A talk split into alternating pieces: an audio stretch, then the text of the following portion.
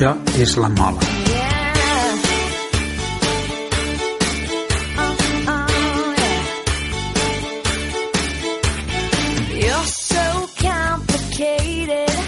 Hi ha documentació des del 1170 i sempre ha sigut la mateixa família. Eh, de partir d'aquí hi ha tota la documentació que no surt el nom de Puig fins al segle XV. I això primitivament en deien l'espluga de Vila Mancada, que vol dir la balma d'un tros de la vila, que possiblement que antes de que hi fessin la casa, en la balma ja hi vivien, com a pastors o buscarols, o que fossin. Eh, aquests documents els tenim nosaltres guardats, que és tot en llatí,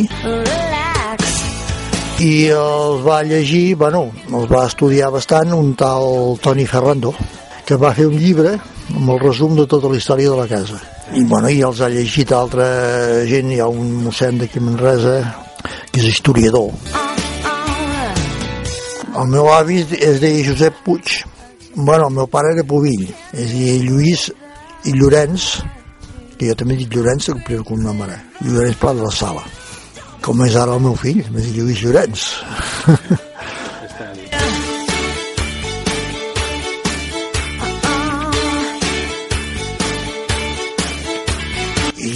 fet la vida aquí sempre com a pagesos perquè sempre havia treballat al camp. Ara és quan menys s'hi treballa perquè els camps s'han perdut però tot aquest camí que hi ha d'aquí fins a Mura que hi anàvem a peu és tot vinyes.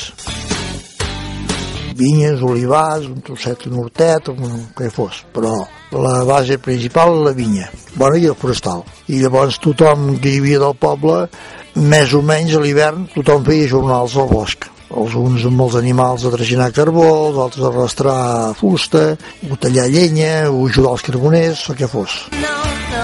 Però no hi havia quasi cap família del poble que uns o altres no anessin al bosc una temporada a l'hivern.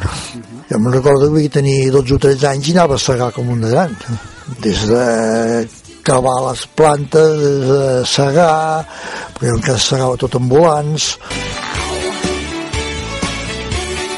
La vinya, l'última vinya que vam tenir aquí va desaparèixer ja als anys 80, 80 85. Si jo tenia 30 anys i encara feien vi. En els últims anys, calau, jo tinc 70. Cal que faci 40 anys que ha desaparegut la vinya, eh? de jove havia fet molts anys de cada any, bueno, paremes normals i corrents i fer el vi.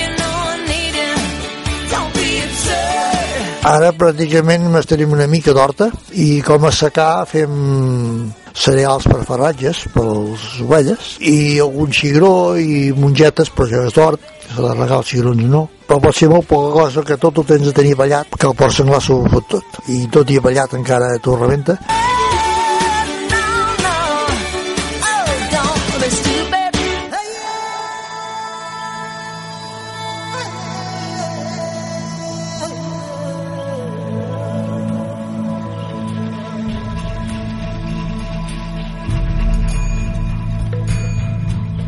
Això és la mola. Mata de Pere Ràdio.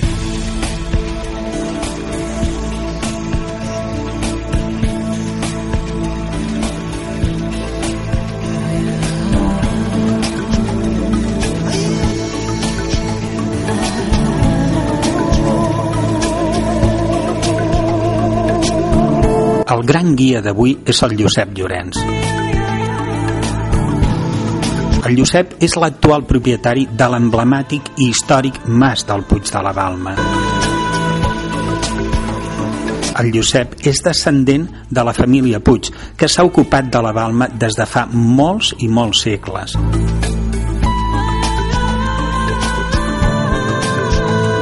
Amb el Josep podrem conèixer la interessant història de la gran finca que ocupa el Puig de la Balma, que arriba fins a l'era dels Enrics i una part del Turó del Malpàs. Farem un trajecte per les seves fonts reals i per les falses. Pels vents estranys i bonics pins cargolats.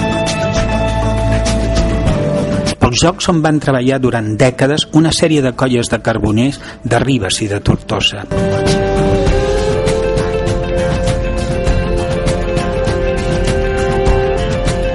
Mirarem des de noves perspectives a molts dels nostres jocs més estimats. El programa d'avui el fem des del Puig de la Bauma.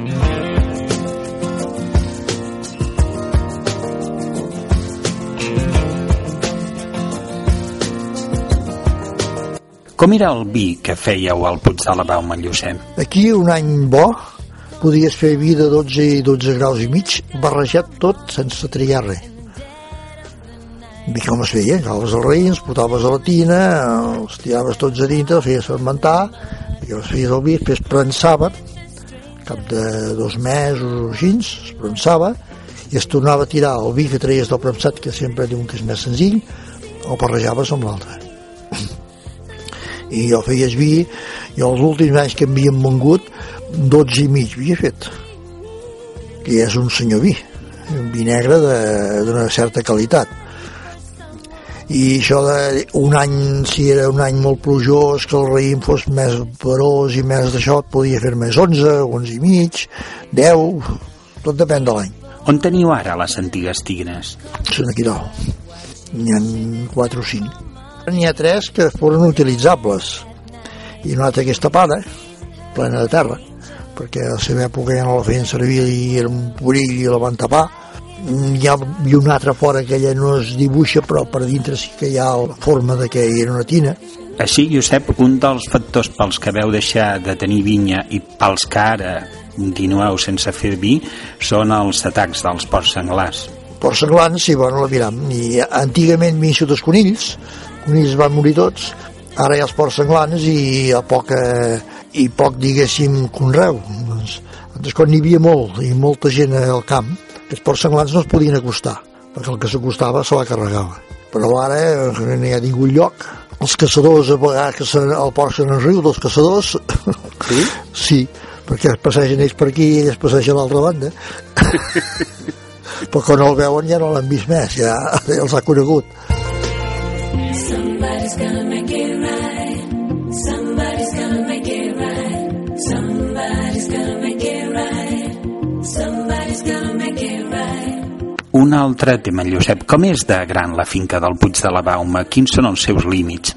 Bueno, la, és que ara tenim Puig i la Vila que la vila ens la vam quedar es va sortir a la venda una casa que es venia i era veïna i estava tot aquí i ens la vam quedar La compra del Mas de la Mila quan la veu fer? Eh, això el 90 i tant, 95 així, bueno, durar uns anys de traslado perquè antes no van decidir ja havia temps. Allà als anys 90 es va comprar la finca aquesta amb la casa tot junt i ara actualment arribem des de Vall la Riera allà on passeu el pont fins aquí dalt, bueno, dalt als Venedors. Fins als de Venedors i al Turó del Malpàs. Fins al Turó del Malpàs el passa per un costat és a dir, per aclarir-ho, el límit nord seria la Riera de Nespres i el límit sud podria estar cap a l'era dels Enrics. Sí, sí, sí. Bueno, no, perquè allà fa una entrada cap baix, baixa, fa unes formes rares. Uh mhm. -huh. Hi ha un pagat eh, tros de finca que és dalt als amanadors, que hi ha unes 40 o 50 hectàrees, que fa com una bossa a dins de l'altra. I llavors tornava a baixar per eh, Arribava al cap damunt, quan hi havia Matardona, en un punt que feien una T, arribava a la vila, la Mata, Puigdora i Matarrodona dalt amb un turó dalt de tot. Sí, sí. Però ara a Puigdora no hi ha ningú, Matarrodona és de la Diputació i la Mata també, vull dir que aquest, aquest fit ha perdut, s'ha eh, Josep, a veure si ens pots ajudar una mica a aclarir la propietat d'alguns jocs emblemàtics de la Serra de l'Ubac. El Turó del Malpàs ja no estaria dintre dels límits del Puig de la Bauma. No, Turó no, és la falda, pel cantó de, diguéssim, nord. I l'era dels Enrics de qui és? L'era dels Enrics fa límit. Arribi de dalt un tros que arriba de la Creia Crani, però torna a baixar baix el torrent de com infern. Ja que parlem de l'era dels Enrics, Joseps, saps tu d'on ve la toponímia aquesta, la toponímia d'era dels Enrics? Quins podria, qui, qui podria ser aquests Enrics? Eh, suposa que, perquè hi ha alguns documents en aquí que en parla, de l'era dels Enrics, eren uns arrendataris o gent que cultivaven un tros de terreny que es deien Enric. És a dir, en els documents històrics del Puig de la Bauma, dels que parlaves al principi del programa, sí que fan referència a l'era dels Enrics i a les persones que s'ocupaven d'aquell indret. Parla dels Enrics, i dels Enrics parla com si fos un nom propi. Enrics, que un que esdevinguin Enric. Si està inclòs en els seus documents històrics, deu ser perquè el Puig de la Bauma era qui llogava els terrenys, aquests senyors, aquests Enrics. Bueno, a la, a la finca del Puig tenien un arrendament d'allò dels demanadors i, i ja tenien l'era per anar a batre. Que no sé si tenien terreny només del Puig o també tenien terrenys de, de Puig d'Oure, de Matarrodona, perquè hi ha tots els finques allà a prop. Això no, per tant, per entendre'ns, els Enrics eren uns pagesos que com a mínim tenien llogades unes terres als devenedors i feien servir com a era el roquetà que hi ha per sobre. En quina època passava tot això? Fa molt temps? Això és antes del segle XV, més antic. Així sí que és una toponímia molt antiga. Això és molt antic. I continuant per aquells varals, els jocs on trobem ara els pins cargolats també és propietat mm, teva, propietat del Puig de la Bauma. I va ser el termenal per allà que em baixar com l'infern. Que n'hi ha alguns que són en terme nostre i alguns que són en terme de Puig d'Oure. I, Josep, saps tu alguna cosa o la teva família de l'origen dels pins cargolats? No, perquè fins que ara, fa uns anys, ningú havia fixat que hi havia els pins cargolats. Eh, és a dir, Josep, tu de petit no havies sentit parlar mai, mai, mai dels pins cargolats, ni la teva família els coneixia, tot i que una part dels pins són propietat vostra. No, no havia parlar mai dels pins cargolats.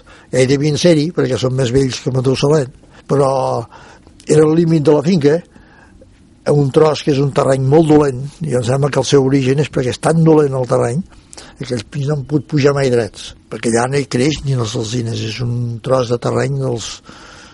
dolentíssim. Així creus que l'origen dels pins cargolats és completament natural? Jo crec que sí.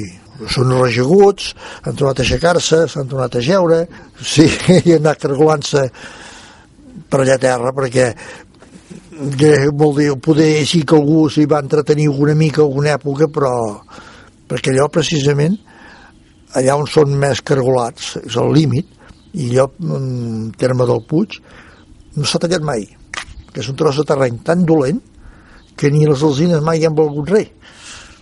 En canvi cap allà als avenedors molt bo i aquella carena allà on hi ha els pins aquests és superdolent no sé de què que no deu a terra Era un terreny dolent fins i tot per a l'explotació forestal? Bueno, allà al cantó de Puigdora, allà al Puigdora sí que ho havien tallat. N'hi havia de bons que els havien tallat i van deixar els dolents, els cargolats. Aquests no els interessaven. Ah, sí? Sí. Eren dolents per fer... Per fer fusta sí, perquè què faràs d'allò per fer fusta? Perquè allò ho van tallar, ho va tallar un... Precisament l'últim que ho va tallar, un que li deien el Genescà, que és de Mata de Pere, que era un rematant de fusta, i ja va tallar la finca de Puigdora. I va arribar fins dalt. Va tallar tots els pins que hi havia bons, que els arrossegaven i es traien cap avall, cap al cantó de Comú d'Infern. I van arribar allà. I això del, de què parles, eh, quan va ser? Això devia ser per allà als anys 50-60, com van tallar tot això de Puigdora. Bueno, i van treballar-hi de 8 o 10 anys. És a dir, abans de la gran tallada dels cines i roures que es va fer a la finca de Matarrodona, hi havia hagut també una altra gran tallada massiva al Puig d'Oure. Eh, per què ho van fer? Eh, allò, eh, aquest era un rematant de fusta, tot llenscar. L'amo que havia antic de Puigdora va vendre la fusta i la llenya per fer calés. I ell ho va tallar tot, i quan ho va haver tallat es va comprar la finca. El Genescà va comprar la finca amb els diners que li van pagar per fer la tallada. Se la va quedar ell i diuen que amb el que em va fer de la tallada ja va pagar la finca. Però el Genescà no va ser propietari del Puig d'Oure durant molt temps. Ell s'ho va vendre altra vegada amb un senyor de Barcelona que no l'hem conegut mai ni sabem qui és.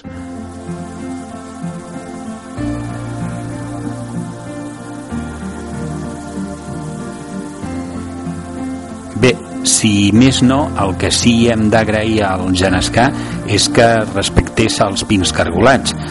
Ja fos perquè eren dolents com a fusta o ja fos perquè els van agradar, els pincs cargolats afortunadament es van lliurar d'un altre dels atentats contra la natura que es va cometre a la Serra de l'Ubac abans de la constitució del parc.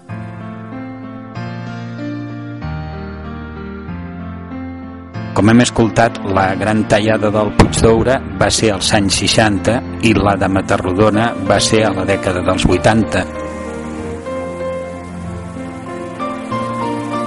Com deuria ser la Serra de l'Ubac si no hagués passat tot això?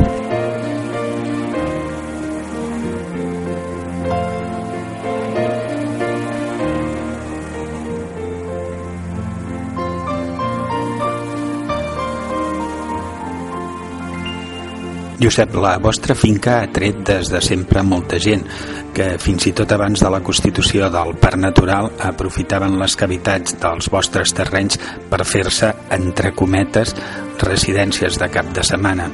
Els primers en arribar-hi van ser els caçadors, els furtius. Què feien ells?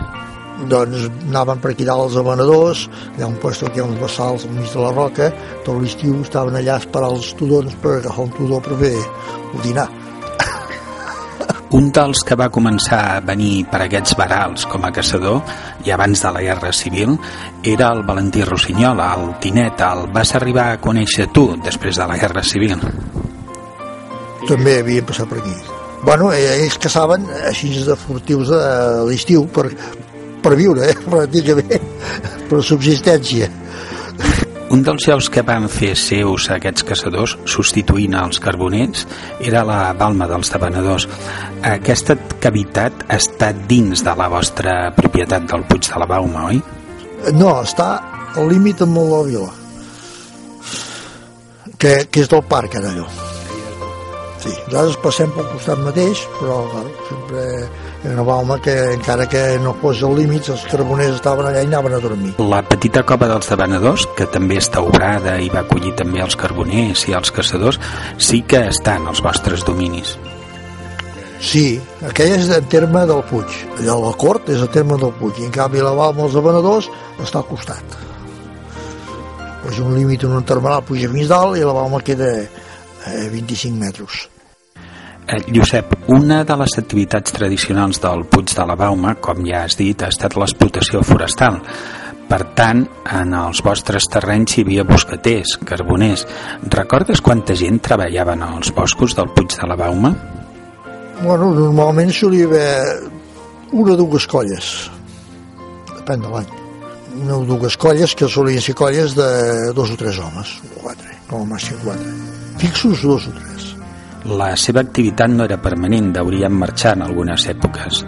Mes de juny i juliol acaben de fer les últimes cuites i a vegades, depèn del lloc que fossin, d'on procedien, anaven a casa seva i estaven una temporada a casa i tornaven després cap d'un mes o dos i d'altres que aquest temps es quedaven aquí i marxaven una temporada al mig de l'hivern.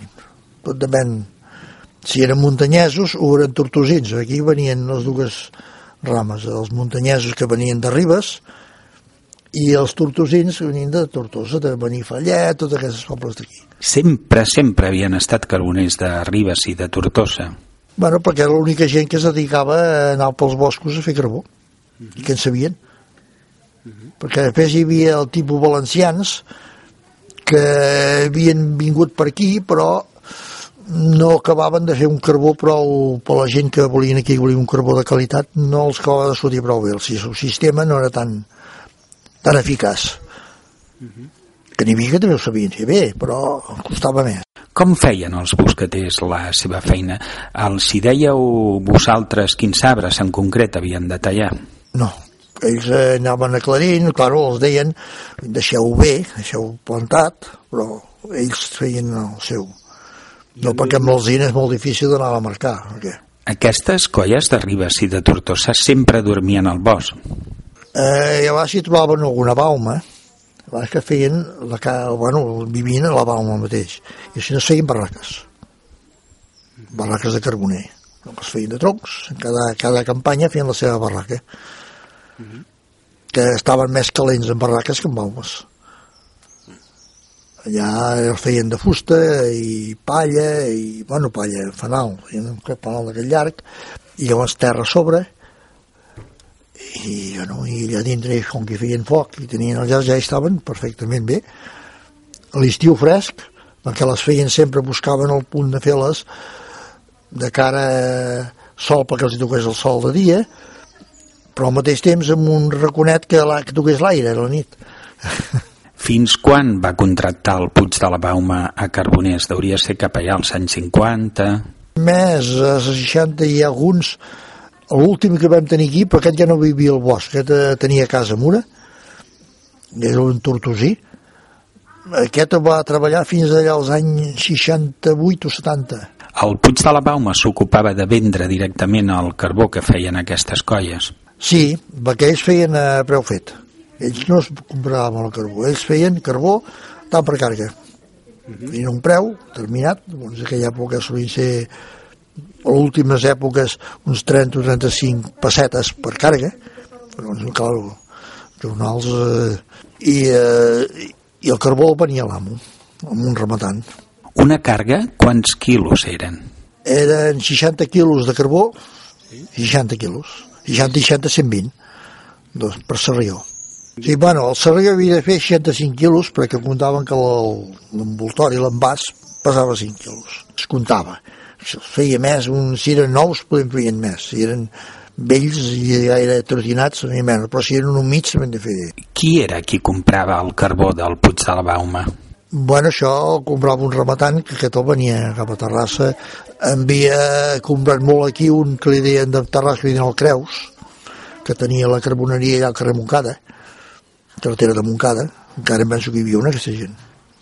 Aquí hi havia aquest el Creus, i llavors un que era fill de Quimura, que el venien a Barcles, que es deia Peric.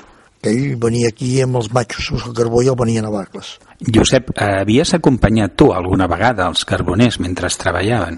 Ah, sí, ah, sí, perquè quan treien el carbó havien d'anar a pesar i havia anat prou a pesar, perquè no el pesaven comptar les càrregues perquè vaig tenir cobrar les seves i el, perquè representava que hi havia d'haver-hi el carboner, el comprador i el venedor. Eren tres que tots cobraven del mateix per a número de càrregues que es feien. Quantes càrregues arribaven a fer una colla de carboners? Això variava bastant. Aquí una colla d'aquests de carboners solien fer unes 150 càrregues, 100, depèn una mica del que treballaven, si estaven més, si era més bo o més dolent, però 150 càrregues ja de, per una colla ja era molt. Ja era un bon, bon rendiment. Skies are crying, I'm watching, catching teardrops in my hands. Only silence as it's ending, like we never had a chance. Do you have to make me feel like there's nothing left of me? You can take everything I have. amb la intenció de posar com a mínim noms a la gent que va treballar en els boscos de Sant Llorenç del Munt i la Serra de l'Ubac, Josep, ens pots indicar els noms dels vostres carboners? Bueno, aquí teníem un que sempre dèiem el Ramon, que va ser l'últim carboner que vam tenir, i després eh, aquest el Puntes, que es deia Jaume, Puntes, que encara hi ha la seva filla que la tenim aquí a treballar. Aquest es va morir en un accident de cotxe, quan ja havia plegat de fer de carbó, i llavors els altres que hi havia, bueno, de noms, hi havia el Xaques, havia treballat aquí, que era, aquest era del Pirineu aquest el Ramon també era de Tortosa i aquest el Puntes també tots aquests eren tortosins. Els del Pirineu van desaparèixer molt antes. Diguéssim de Ribes ja hi havia un que deien el Jaques el Pere Piler més ja te'ls deien pel nom de motiu que tenien. You can take everything I have. You can break everything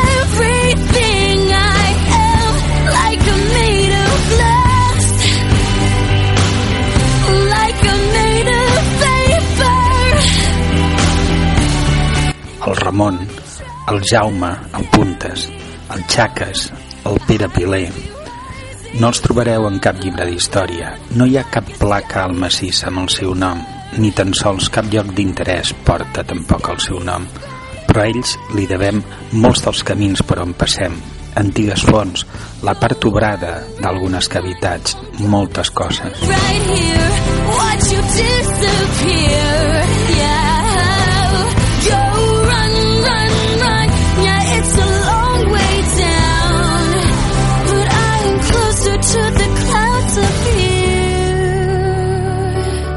el Ramon, el Jaume Puntes, el Xaques, el Pere Piler i també el Xaixà, el Julián, el Roc.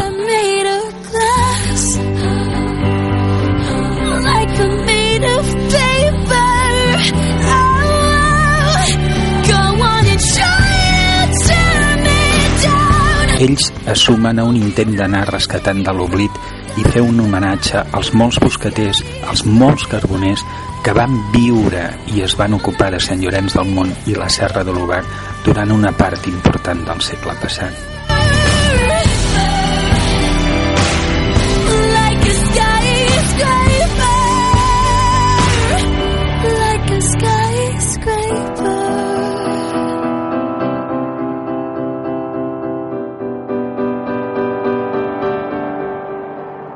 Josep, de petit tu te n'adonaves que vivies en un lloc especial com és el Puig de la Bauma?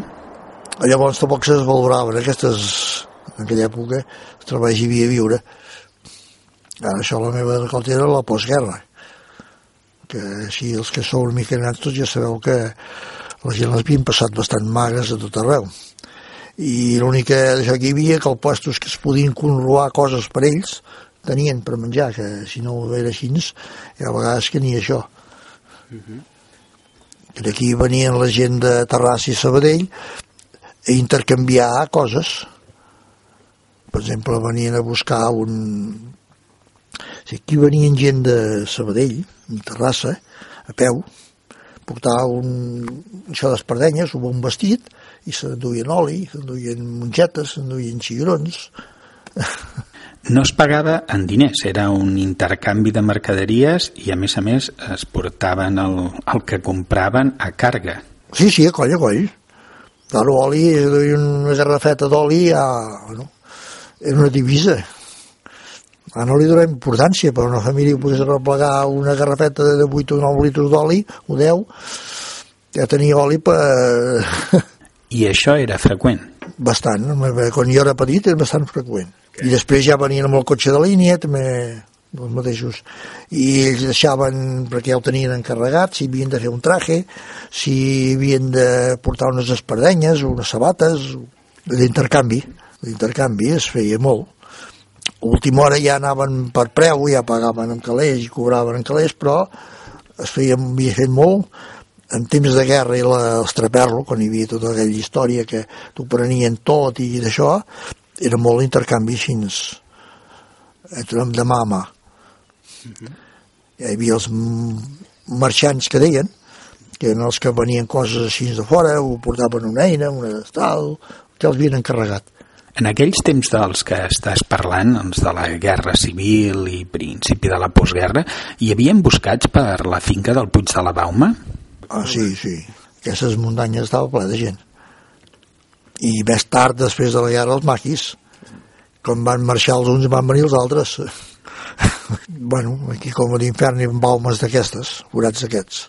Uh mhm. -huh. Els més inversemblants perquè no anaven en els més coneguts. Anaven en forats, que cadascú buscava el seu forat.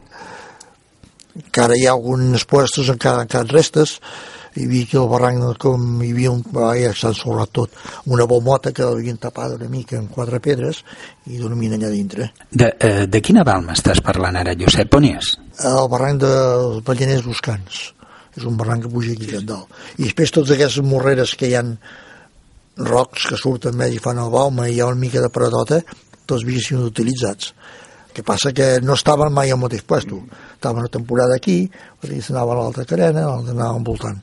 Bé, Josep, parlem d'altres temes més agradables. Aigua no ha degut de faltar mai al Puig de la Bauma. No, bueno, has de... mirar de tenir-la controlada, no gastar-ne més, però hi ha la font, hi ha fons. La font de la casa, la que està aquí sobre, sempre ha rejat. Jo l'he vist rejar sempre, més o menys, però quan reja poc has de mirar de no gastar-ne gaire. Quines altres fonts teniu? Bueno, hi ha les fontetes, que és aquí dalt el camí més amunt. És, diuen les fontetes que és una font sola. I llavors la font del regadiu, que és a baix sota, el torrent, allà neix amb una resclosa, allò no raja, és, surt en el cul del torrent i la tenim recollida amb una resclosa i van aquestes basses d'aquí baix. I allà hi tens una, hi ha una resclosa feta amb ciment, i bueno, antigament era feta amb pedres i fustes, a vegades feta amb mica de ciment, i sempre hi ha el ple l'aigua i surt un rec d'aigua, ara surt un rec com la muñeca. La font del regadiu l'aprofiteu principalment pel camp. Sí, pels camps, per regar, també si em fa falta, com que l'agafem d'allà, també la podem pujar aquí dalt, actualment també la fem pujar si convé. Va que vagi aquesta bassa, i l'entrada de la bassa, que ve directament de la font aquesta, si volem l'agafem i podem omplir que hi ha dalt, el que hi dalt la crena que és contra incendis, també s'omple a través d'aquí aquí baix. Vols dir que la font del regadiu és la que més raja de totes? La que més caldulosa sí, però pot arribar-se a secar. Que la d'aquí dalt no se seca mai. I les puntetes tampoc. Però cal que se ragen un raget de, com un candy.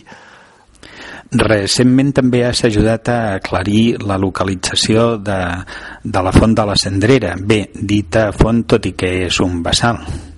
Bueno, és al capdavall d'aquest torrent font Cendrera, és al capdavall de sota les esglésies, quan es troba amb el Puigbó, però és una font que, que, que la meitat del temps està seca, és un vessal al mig del torrent. Uh -huh al mig d'un roqueter i un vessal que sempre hi havia aigua, quan plovia. Josep, el Sot de l'Infern també és propietat del Puig de la Bauma. Allà hi ha algunes fonts, unes fonts que semblen canviar de localització amb el pas del temps. Per exemple, la històrica i veritable font dels Tilers no és la que ara s'anomena així, oi? On estava la font dels Tilers? Que és molt difícil de localitzar-te ja perquè es va moure tot allò hi havia unes roques grosses, immenses al mig del torrent, puntalades a un cantó i i van desaparèixer. I clar, al marxar-te tot allò, ja dius, bueno, ara on és? I allà on sortia la font va quedar arrobinat de graves i roques tot tapat. Sortia d'un rapeu d'un cingle, però arran de terra, i clar, allò va quedar tot tapat. La roca de sobre es va tombar, bueno, va moure tot.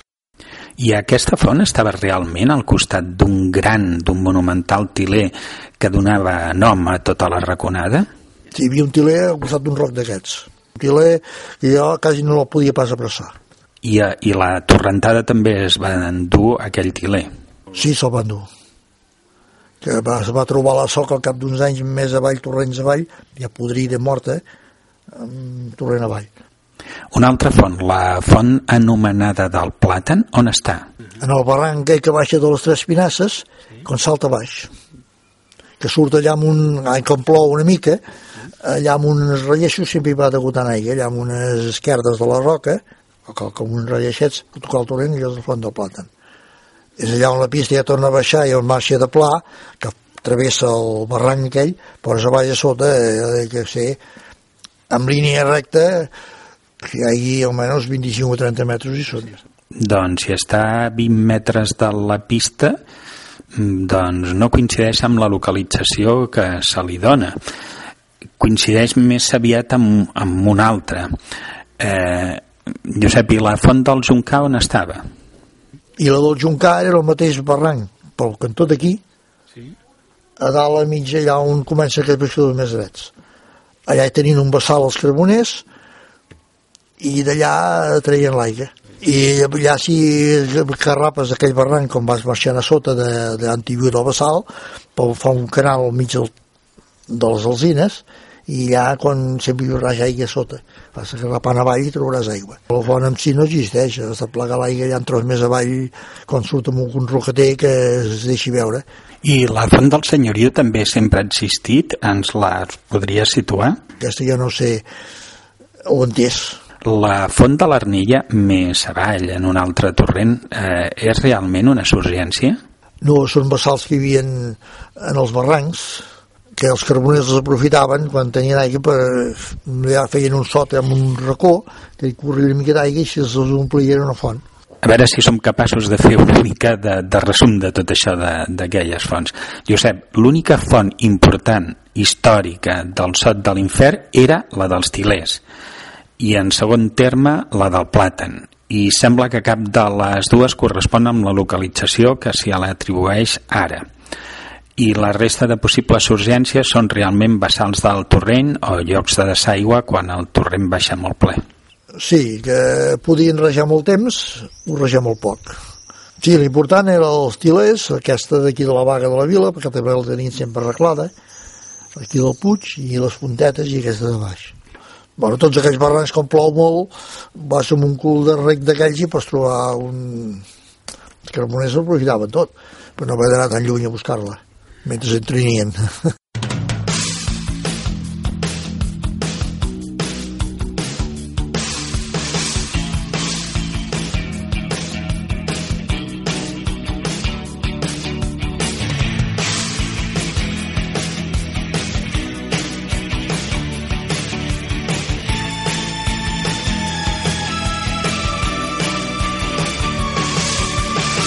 Sense allunyar-nos gaires dels indrets dels que estem parlant, la coneguda balma del Puig Andreu l'has vist alguna vegada ocupada, ja sigui per persones o per bestiar?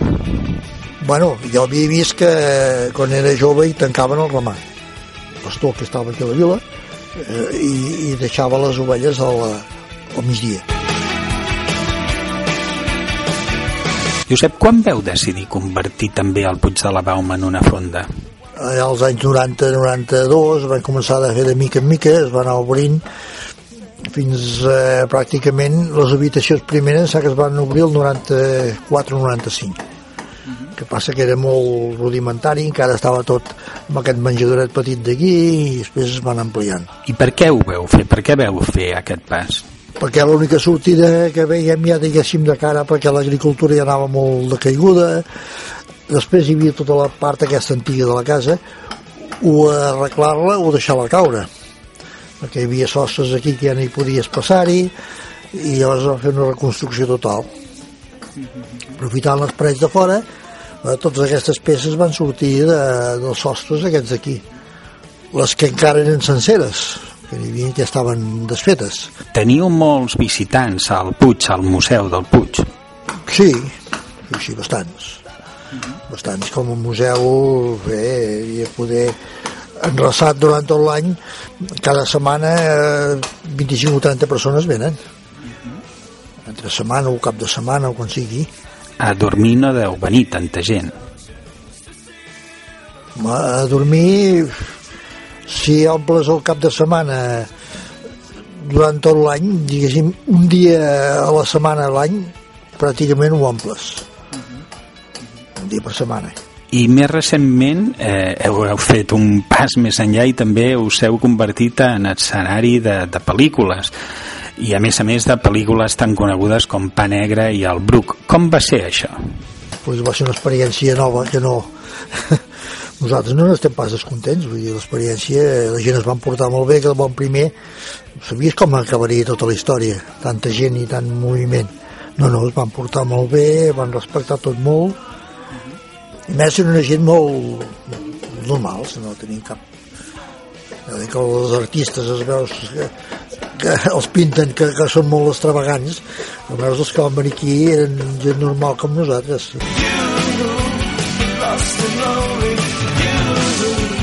Just like heaven Josep, eh, hem parlat dels emboscats de la Guerra Civil, però ens hem guardat, ens hem quedat pendent parlar dels maquis. Tu de petita els havies vist? Nosaltres quan anàvem a escola els trobaves per aquests camins per tot arreu. Que venia... No, no, que sortien dos o tres homes que no veies cap arma enlloc, però clar que els portaven, per descomptat, que et demanaven qualsevol tonteria o no tenien res però ja sabies que aquella gent no eren d'aquí del país, doncs eren maquis. Ja està per forma de vestir... Aquí al vostre mas, al Puig de la Bauma, havien vingut els maquis? Sí, i tant, venien. i que no diguessin res. no diguessin res, sempre digui, no digueu res. I llavors havia, d'aquelles vegades ens veien a escola, amb escola, que és quan més envoltaven per aquí, i que es ficaven un d'això, un paperet a la butxaca de la bata perquè el donéssim al mestre i el mestre ja sabia que ho havia de donar al jutge del poble. El... Eh, perdó, Josep, és que no em queda clar. Qui et donava aquest paper? La casa nostra, la meva mare, eh, us donava un paperet i, perquè hi havia gent per aquí que no podien anar a dir ningú ni ens ho podien dir a nosaltres i dir que donéssim aquell paperet al mestre que ell el donarien a l'alcalde o el que hi és d'això del poble i llavors sabien que aquí voltaven gent. I, i després de llegir tot aquest paper venien els guàrdies. Sí, el guàrdia civil però ja quan ja havien marxat. Mai no havia hagut cap mena d'enfrontament entre maquis i guàrdies. En aquí directament no, perquè a la muntanya sí molts. I a casa mai. No s'havien trobat però aquí a Mata Rodona aquí van matar un guàrdia civil, un guàrdia civil a dalt la Mata també en van ferir un altre aquí baix a Casa Saies han matat dos guàrdies civils. I aquí havien sigut diverses vegades. I aquí no hi havia la casualitat de que com que els veien a venir perquè si el guàrdia civil de venir venien per aquí pel camí aquest des d'aquí dalt els tenien controlats Josep, no ens pots concretar on s'amagaven els maquis que actuaven per tot aquest indret? Mm, bueno, les bombes no s'hi estaven gaire aquests aquests buscaven més aviat punts més estratègics més de visibilitat aquí dalt hi ha un corral que passa el camí aquest que ha posat a la torre aquesta la línia que hi ha un corral ensorrat allà s'hi van estar els maquis durant bastants dies i bastantes temporades. Era un corral que tancaven les ovelles. La cabeca? La cabeca, sí.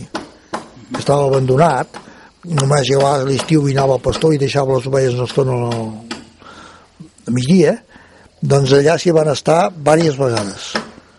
Fins l'última vegada que hi van anar a la Guàrdia Civil, quan ja havien marxat, van trobar el jazz, van fer la gran troballa, però allà ja sabíem nosaltres que contínuament uns dies sí, uns dies no, hi havia gent allà. Així, aquests maquis que estaven a la Quebeca deurien ser els que venien a, al Puig de la Bauma a demanar menjar. Aquests i d'altres, perquè allà n'hi havia, a casa Saies ja havien quedat la casa, fins que van a la Guàrdia Civil i els van treure, i llavors van marxar, van marxar amb el Mosó i tot, que tot eren còmplices. I llavors també estaven voltaven per aquestes costes però no tenien un punt concret. Un dia eren un bessó, un dia eren un altre no. Bé, Josep, escoltant les teves històries eh, bé, els teus primers anys de vida van ser bastant moguts. Amb tanta distracció no sé pas amb què podies jugar. Bo, i llavors amb poca cosa en tenien prou amb un tros de camió de fet de fustes eh, fer-li un camí per passar per aquí amb un rapeu ja, ja t'entretenies ja passaves el temps. O a fer coses com feien els grans bueno, ara sembla que han de fer moltes coses per fer entretenir els nens i llavors en poca cosa ens entreteníem. Tot i, tot i que hi havia els maquis et deixaven voltar per tot arreu? Sí, bueno dintre un límit no anaves lluny però sí un altre tema, Josep, a, a la finca també s'ha aprofitat molt la mel, també hi ha hagut bastanta, diguem-ne, cura de les abelles per obtenir mel. Aquí l'últim que hi havia vingut molt era un que, que precisament de Terrassa, que li deien el Valentí de les abelles, que havia estat de font, del fons de Quimoní s'hi dedicava, que ja és mort aquest home. I tenia abelles per tot arreu i sempre portava caixes per aquí per allà per agafar xams i et demanava permís per deixar els seus bucs eh, distribuïts per tota la vostra finca? Sí, a vegades que ho demanava, bueno, ja ho sabia que en deixava tot arreu, ja ho demanava, ho deia, però no et deia mai on els deixava, perquè millor li feia gràcia aquest forat, un altre dia la canviava de puesto, li semblava que allà poder seria més bé i anaven i moltes d'aquelles caixes acabaven desfetes Així segur que aquest Valentí del que parles és el que va deixar el Buc, i encara es pot veure, encara hi és, a la cova que porta aquest nom, la cova del Buc, que està sobre el sot de l'infern, una cova que va ser localitzada i topografiada pel Joan Jordi Guillemot, que també és un dels millors coneixedors dels indrets amagats en l'àmbit territorial del Puig de la Bauma. Volia ser-li portés ell. O que algú més el trobés en Montpellier el portés allà perquè tothom em remenava. sí. Així hi havia caixes de velles per tot arreu del Puig de la Bauma. Sí, sí, també aquí dalt sempre n'hi teníem dues les caixes nostres, però llavors tots aquests rapeus i cingles trobaves bucs d'aquests, que eren per agafar xams. I cap aquí al cantó de Rocafort hi havia d'altres, uns que es deien els Casasaies, que estan al pont de Vilomar, encara en tenen aquests, que tenien totes aquelles bandes de per allà.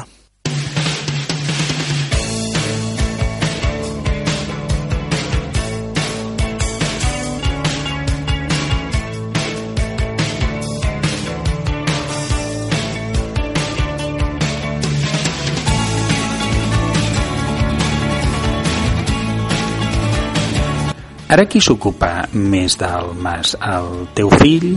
Sí, sí. Estic treballant ara, antes hi havia els carboners i ara ho fem nosaltres. El, mira, el bosc es treballa diferent, de llenya i amb la maquinària vas traient. Ha alguns, temporades a tallar té alguna gent que l'ajuden. Els treballadors, bueno, buscarols.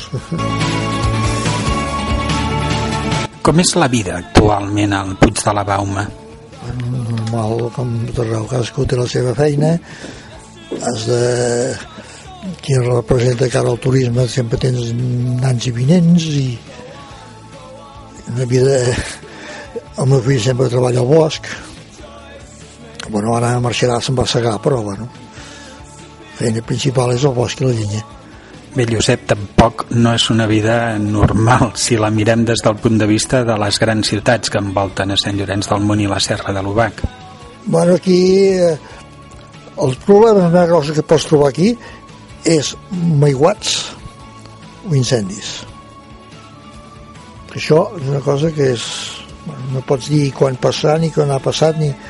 N'hem trobat de tot, perquè els incendis aquests del 85 va arribar el foc aquí sobre, venia des del cantó de Rellinars, aquí van fer marxar la gent de la casa, les van quedar ja i el meu pare i el meu germà i el meu tio van venir tots aquí i ens vam quedar aquí i doncs n'hi va haver perquè si hagués marxat tothom m'hi es crema tot i van quedar els bombers aquí a l'era però clar, nosaltres teníem, ja teníem tractor els ajudaves a portar aigua que llavors no teníem cubes si hagués hagut la infraestructura que hi ha ara possiblement que no hagués durat tants dies aquell foc. Perquè llavors no hi havia pocs camins perquè el camí aquest cap amunt quasi no es passava. El que puja de, de baix com a d'infern el del barranc no hi era. Però l'altre era dolentíssim. I, bueno, eh, i tampoc hi havia material adequat per ni gent especialitzada per pagar-lo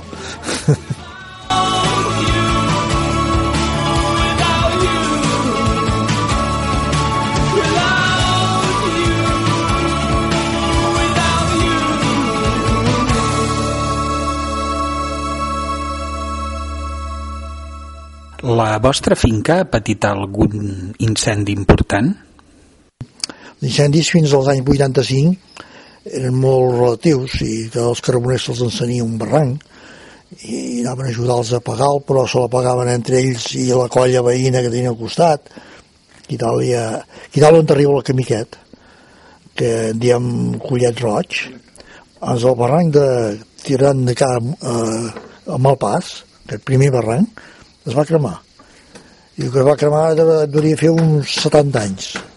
Es van encendre els mateixos carboners un carboner era cosa se li va encendre. I es va cremar només aquell barranc. A dalt la que no van parar i cada cantó ho van tancar. I ho van fer els mateixos carboners que hi havia allà. Alguna altra colla veïna que ho van veure i els van venir a ajudar i algú damunt aquí va pujar-hi però sense bombers ni, ni històries ni avions ni res, ho van apagar ells mateixos allà. Mm -hmm. El llavors el bosc era net, hi havia tots els seus crerissos. Hi heu petits aiguats? Bueno, els aiguats és una cosa, ja sabeu què passa. Que l'aigua no la pots aturar amb res despavilar-te com pots quan ha passat i a veure què, què me'ls pots solucionar com que és pendent si t'hi entra l'aigua en un camp ja t'arriba fins a la roca ja t'ho ha net a Vall de Riera se'n van dur bastants trossos en sentit contrari també heu patit sequeres també però sequeres, mira, si no d'això anar esperant que plogui no hi ha altra solució Josep, us ocupeu vosaltres del manteniment dels camins de la finca? Els de dins de la finca i al voltant sí. que passa que dic que molts camins d'aquests s'han desviat. Perquè antes el camí, tots aquests camins que veureu tan drets i tan dolents, no segueixen el verdader. Perquè tots els camins antes eren fets d'una manera que un animal carregat pogués passar tranquil·lament per tot arreu i millor allò de baixar a dret feia una curva i una S i tornava baix però això quan ja veus que són molt dolents és que ja no ja no segueixen el seu itinerari S'ha plantejat o s'està plantejant obrir alguna pista nova? En tots els estaments perquè hem discutit amb molts del parc que ara mateix tenim unes dispositives amb molts del parc pel tema aquest de de que arreglen pistes de Diputació contra incendis, tal com ho fan, ja els vaig dir que la meva finca no se n'arreglarà cap més. Perquè volen fer grans pistes, grans obres, i no interessa grans obres, perquè ja s'espatllen primer. I jo els he demostrat que el que he fet nosaltres, el que mantenim en la finca, fa 4, 5 i 10 anys que està fet i es conserva. I el que faran ells els dos anys no hi passaràs. Perquè es tova en terra i si es tova terra ja la mous. I el dia que plou s'endú. I després eh, avui dia fan amb maquinària grossa el que fan és rebentar tots els marges o d'això i, i des que les vores aguanta-les i guarda-les perquè aquests camins nosaltres ens interessa passar-hi sempre tant si plou com si neva com si hi ha un altre camí. I puguis passar-hi tot l'any en totes condicions. I un camí no el pots arreglar com el camí que ve aquí. El camí fem un petit manteniment i es manté. Pots passar-hi amb neu i pluja tant com vulguis i no marcarà les rodes en lloc. És compacte. En canvi si les toves i poses molt gruix a terra primer dia que passes amunt ja fas roderes i quan fas roderes un camí ja el tens perdut. És el que ha passat no? amb la pista de Matarrodona. I ves massa pendent si és massa pendent està molt el cas de no remenar-hi gran cosa deixar-ho herbar i si hi ha herba només tallar l'herba no, no arrencar la terra. Perquè l'herba ja lliga. I ens demostra que l'herba amb les arrels dels mateixos arbres és el que lliguen el territori i l'aguanten. Apretar-ho i prou antes es havien d'arreglar els camins es feia amb un pic i una pala eh, fins com podien. Però ara que es pot fer amb màquines s'ha d'estar al tanto també no, no, no abusar-ne de les màquines com vius, Josep, l'increment dels excursionistes per Sant Llorenç del Munt i la Serra de l'Ubà? Bueno, excursionistes he vingut sempre aquí. Poder eren diferents, no eren tan sofisticats ni tants bastonets i tantes històries, però d'excursionistes aquí m'hi havia sempre. De petit ja venien molts pel Puig de la Bauma. Sí, sí, sí, sí. passaven que venien des del del Salari cap a Mura, passaven per aquí, o al revés, acaben a Montserrat, i, bueno, i m'hi havia sempre d'excursionistes, poder tant a ramats com ara, que van a ramats com els xais, el dia que surten tots, del mateix camí, no, perquè anaven més escampats. Però de gent envoltant per aquí aquests boscos n'hi havia sempre. Especialment temps de bolets, i, clar, no quines èpoques, ni més que menys. Això de, d'anar amb els dos bastons i tot això, això jo no, encara sabria caminar. de bastons. Eh, Josep, permetem una pregunta. Mai has pensat d'anar a viure a una ciutat? No, no, no, perquè sempre m'ha agradat més la vida fora, eh, ja que hi tens la vida i tot això, doncs mira, perquè no crec que les ciutats, algunes coses poden ser més còmodes, però la majoria són més prejudicials, em sembla. Que la tranquil·litat que hi ha aquí no la tens lloc. Però viure aquí també és molt exigent. Bueno, exigent, però no és aquella exigència concreta que te la posen els altres, que tu te la muntes tu. L'exigència d'aquí, si tu un dia vols començar a treballar més tard, pots anar més tard, i si vols plegar més tard, pots plegar més tard, i no has de donar explicacions a ningú. Mm -hmm. I, I si un dia no vols fer res, vols anar a, a marxar i anar-te'n de festa, pots anar-hi, i ningú t'ho ha de demanar.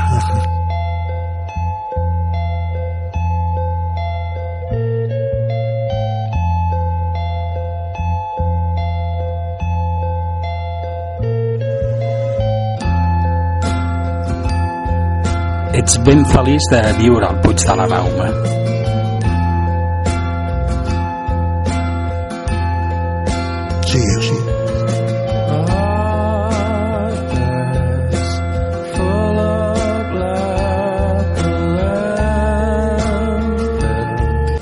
Canviaria per anar-me'n a Barcelona. no. Barcelona, si anem, quan tornes al vespre ja n'estàs ben tip.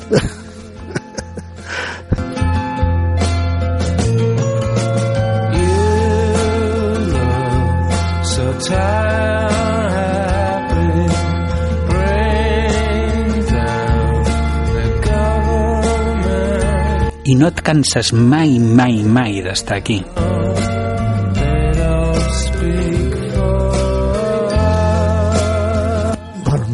si te canses tornes a començar. Sí, és així.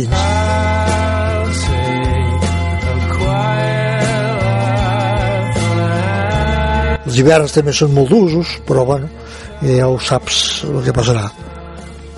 Ja saps el que t'esposes i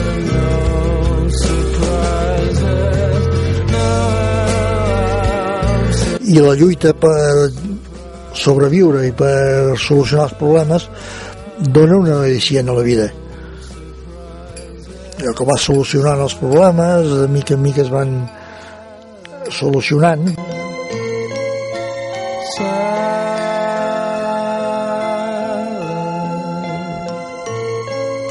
Per exemple quan hi neva i posa molta gruixa la traiem amb el tractor i normalment és els primers puestos en què està tot despegat l'última nevada que va fer aquí pel març va fer 3 anys doncs la mateixa nit vam obrir tots els camins. Cosa que anaves per la comarca totes les carreteres estaven tallades al cap d'una setmana encara. Intransitables i d'aquí ja ho vam obrir tot el mateixa nit. L'endemà de matí vam repassar alguna cosa i cada una mica més. D'això i ja es podia circular per tot arreu.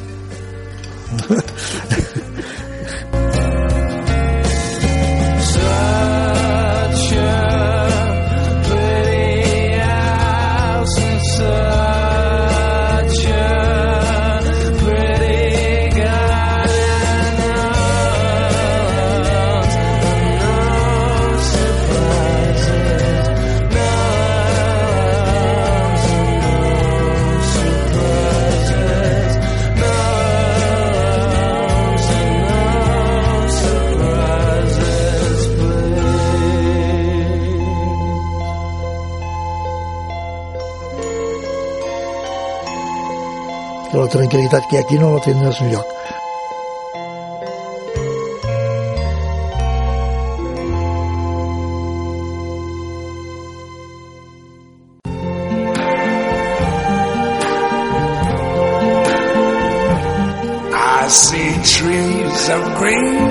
En Josep Llorenç hem aclarit que els Enrics de l'Era eren uns pagesos de fa segles, que els pins cargolats es van salvar de ser tallats perquè estan en un terreny dolent, o que fonts, com la del Tiler, van desaparèixer juntament amb el seu arbre per culpa dels aiguats del 62. What a wonderful el Josep és nadiu de Sant Llorenç i no s'imagina viure a ciutat. Prefereix lluitar contra els elements de la natura i conservar un dels nostres edificis més estimats, el Puig de la Balma.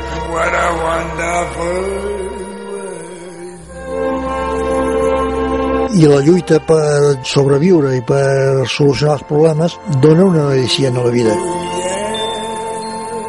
Això és la mola